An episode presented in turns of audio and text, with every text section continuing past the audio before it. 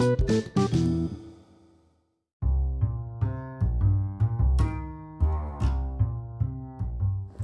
semuanya, selamat datang di podcast Ngompolin ngomongin politik internasional bersama saya Gaiska dan hari ini ini adalah episode pertama dari podcast Ngompolin. Jadi kita bakal bahas hal-hal yang mendasar-dasar aja, hal-hal awal-awal tentang hubungan internasional.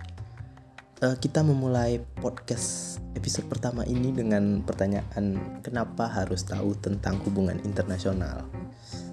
Pertanyaan ini nih pertanyaan yang sederhana tapi cukup untuk menjelaskan pentingnya belajar hubungan internasional untuk memahami hal-hal di sekitar kita. Dan di di episode kali ini juga mungkin kita akan membahas sedikit-sedikit siapa saja nih aktor-aktor hubungan internasional. Siapa saja nih yang bisa mempengaruhi kehidupan di sekitar kita? Dari luar negara tapi bisa mempengaruhi kehidupan kita. Karena pertanyaan yang membuat aku memulai podcast episode pertama ini adalah pertanyaan dari teman aku. Uh, ketika waktu itu aku lagi uh, sering share-share US election itu kan seru banget tuh. Uh, Donald Trump lawan Joe Biden. Jadi teman aku nanya uh, kenapa sih lu heboh-heboh sama Joe Biden sama Donald Trump? Mereka kan bukan presiden kita dan mereka ada nun jauh di sana. Nah ini nih pertanyaan ini nih berhasil muncul karena kita tidak paham pentingnya hubungan internasional dalam kehidupan kita sehari-hari HP yang aku pakai buat ngerekam podcast ini. Ya pakai HP karena podcaster miskin ya. Ya eh, itu tuh berhasil sampai ke tangan aku ya karena ada perdagangan internasional gitu. Tadi eh, konteksnya eh, politik Amerika walaupun itu politik domestik Amerika tapi Amerika itu adalah salah satu aktor penting dalam hubungan internasional. Bisa dibilang eh, kayak kalau di kelas itu anak paling pinter di kelas yang bisa ngerevisi jawaban guru Nah kayak gitu tuh Amerika tuh. Jadi dengan segala kekuatannya dia, dia tuh bisa aja mempengaruhi kebijakan-kebijakan setiap negara, bahkan kebijakan domestik Indonesia.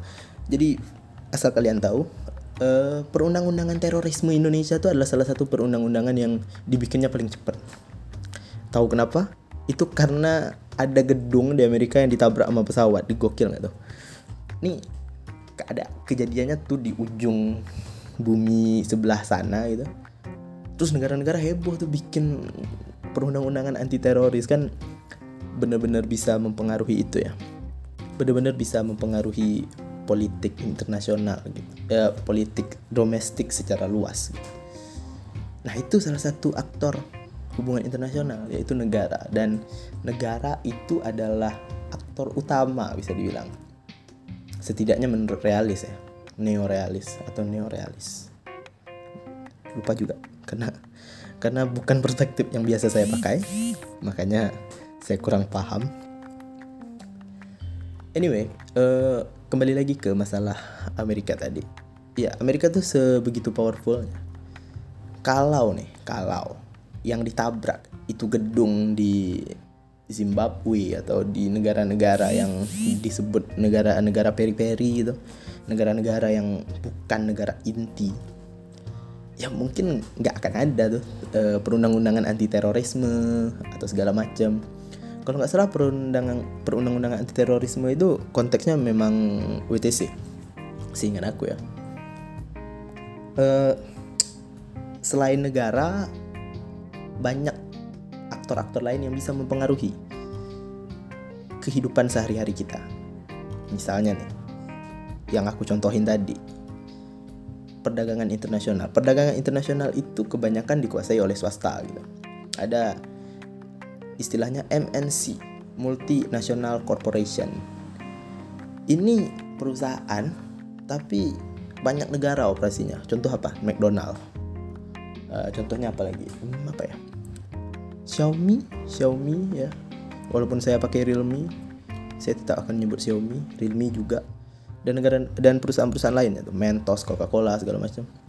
mereka kan punya produk di seluruh negara mereka punya kalau Xiaomi bahkan punya pabrik di Indonesia gitu kan itu jadi sangat mempengaruhi uh, kehidupan sehari-hari kita contoh sederhana deh uh, kebiasaan kita menggunakan earphone.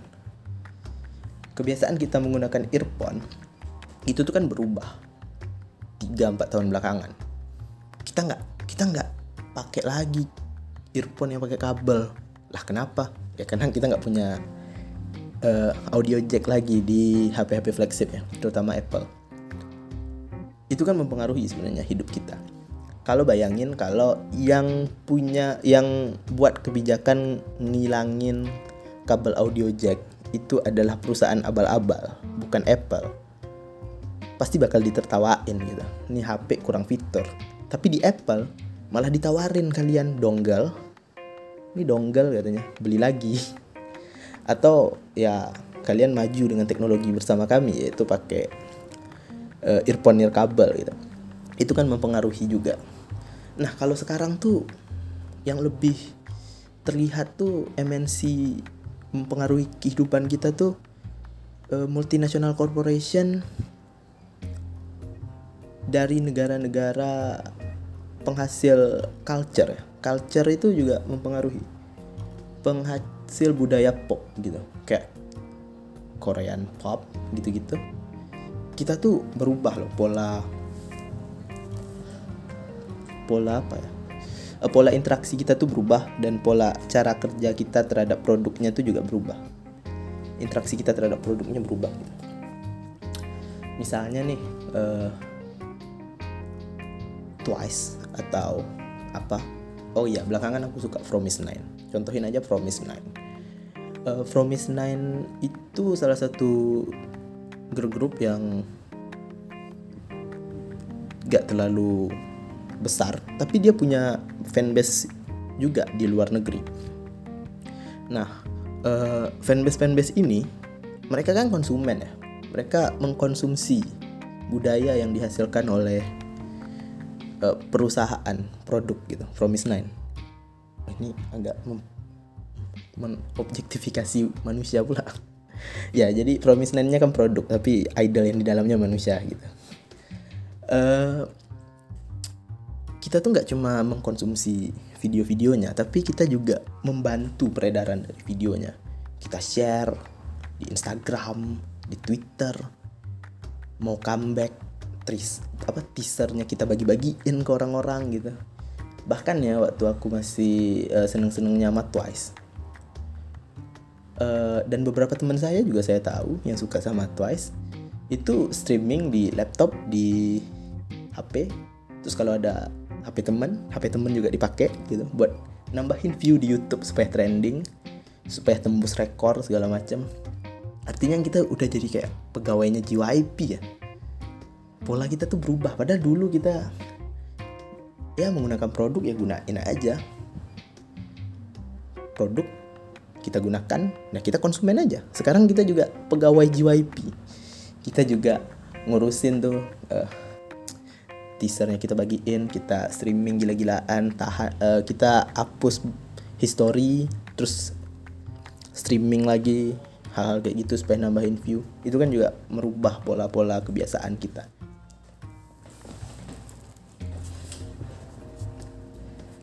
Selanjutnya uh, yang aktor internasional tadi udah negara udah MNC sudah organisasi internasional nah ini selama pandemi saya aku sering dengar nih dari grup WhatsApp keluarga gitu. Seharusnya WHO gini seharusnya WHO gitu. Tapi sebesar apa sih uh, kekuatan dari organisasi internasional? Mungkin kita bakal bahas lebih mendalam di episode lain di podcast ini bareng teman-teman aku yang lebih ahli di bidangnya. Karena saya kan hanya mahasiswa HI KW ya. Karena masuk HI tidak berdasarkan semangat ingin menjadi diplomat tapi lebih salah pencet ketika SBMPTN gitu. Kita akan bahas nanti. Tapi uh, organisasi internasional tuh nggak punya kekuatan sekuat yang dibayangkan masyarakat awam bisa menekan negara sebegitu besar. Mereka nggak punya. Mereka tuh terbatas dengan menghormati kedaulatan. Itu kata menghormati kedaulatan. Jadi kalau negaranya nggak mau ya nggak bisa. Contoh rezim lingkungan atau organisasi-organisasi terkait lingkungan gitu. Biarpun mereka buat ada perjanjian internasionalnya kayak protokol Kyoto, protokol uh, Paris Agreement, perjanjian Paris. Amerika Serikat tuh keluar keluar aja. Mereka Amerika Serikat keluar ya keluar aja gitu. Di zaman Donald Trump tuh mereka keluar dari Paris Agreement negara uh, gimana tuh organisasi internasional atau kelompok-kelompok internasional bisa nggak nekan Amerika? Ya nggak bisa karena mereka punya kedaulatan gitu. Mereka punya kedaulatan yang harus dihormati organisasi internasional. Jadi selama pandemi ini banyak yang bilang gitu seharusnya WHO mendistribusikan ini mendistribusikan ini itu. Iya tapi kalau negaranya menolak atau negaranya punya cara sendiri yang tidak sesuai dengan WHO. WHO itu harus menghormati itu selama e, tidak bertentangan dengan kepentingan umum. Walaupun ya benar bisa ditekan. Organisasi internasional tuh sangat berfungsi untuk menekan. Ya tapi masalahnya negara rasa tertekan atau tidak gitu banyak organisasi internasional mengecam kepemilikan nuklir di Korea Utara sampai sekarang masih punya punya aja nuklir Kim Jong Un ya kan uh, jadi itu ya jadi sebenarnya organisasi internasional itu sangat terbatas kedaulatannya walaupun ada beberapa organisasi internasional yang mengikat. Dan walaupun mengikat itu juga harus disertai oleh keanggotaan gitu. Jadi sangat rumit lebih rumit daripada yang dibayangkan. Jadi bukan dia hadir sebagai satu otoritas yang berada di atas segala ne segala negara gitu menjadi otoritas atau entitas politik yang lebih besar dari negara. Enggak dia enggak supranasional enggak.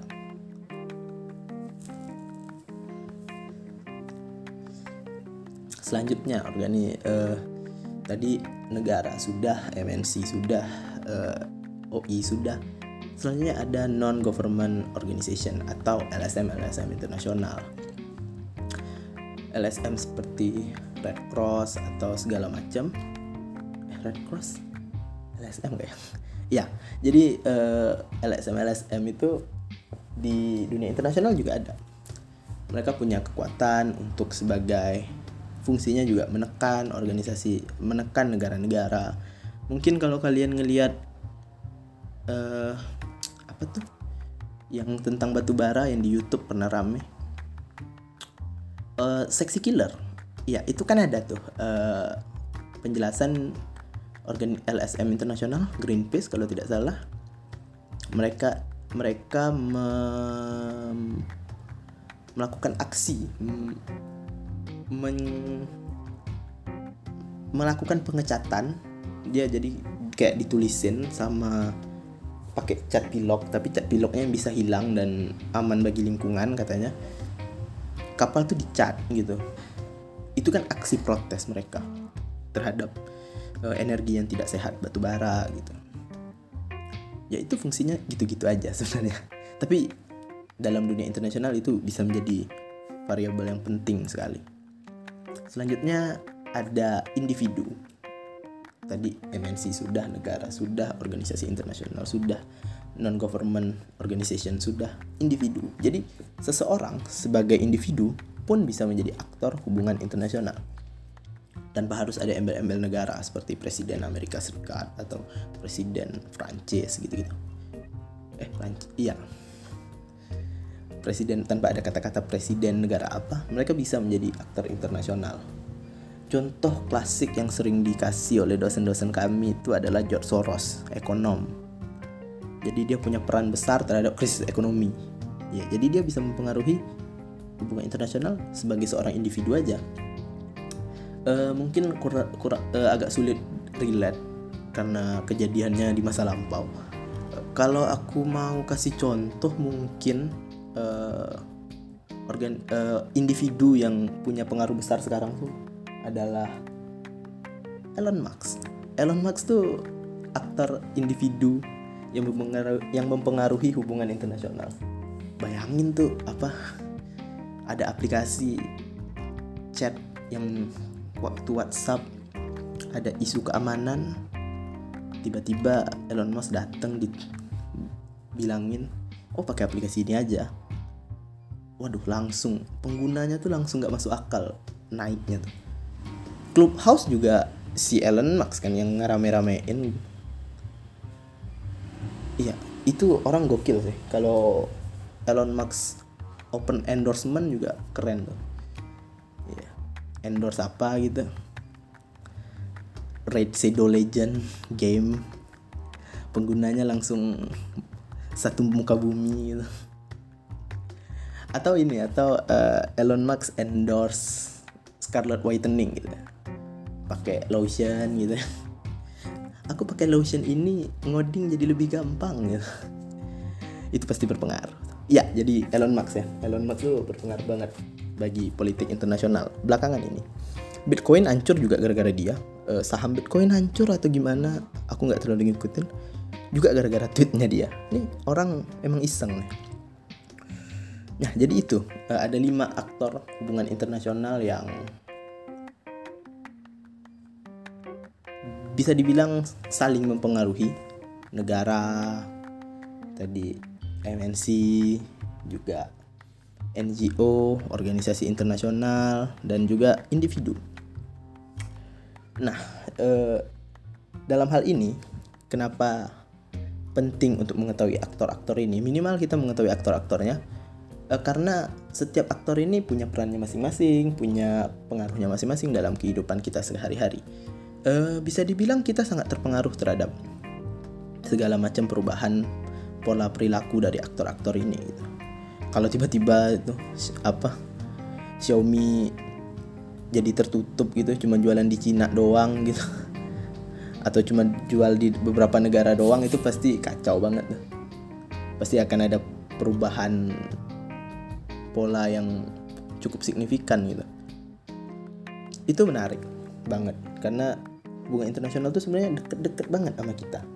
Nggak harus ngomongin perang. Jadi nggak selamanya hubungan internasional tuh perang nggak selamanya hubungan internasional tuh bicara masalah perang dunia kedua mengulik-ulik masa lalu gitu. Ngomongin Kim Jong Un sama Donald Trump salam-salaman tapi nuklir belum juga hilang-hilang gitu. Nggak. Jadi hubungan internasional tuh sangat dekat sebenarnya dengan kita. Jadi penting untuk mempelajari hubungan internasional setidaknya tahu gitu. Baca-baca kompas gitu. Kompas internasional eh ada nggak sih? Kompas internasional? CNN Indonesia yang rubrik internasionalnya. Baca dikit-dikit lah jangan politik dalam negeri politik dalam negeri ini kurang menarik. Yang lebih menarik itu politik internasional lebih lucu gitu. ini politik dalam negeri kebanyakan dramanya nih. Oke uh, itu aja. Udah waduh udah 17 menit 18 menit. Aku ngebaca di depan mic HP ini. Selam, uh, sampai ketemu di podcast berikutnya. Kita akan bahas hal-hal yang lebih uh, spesifik lagi.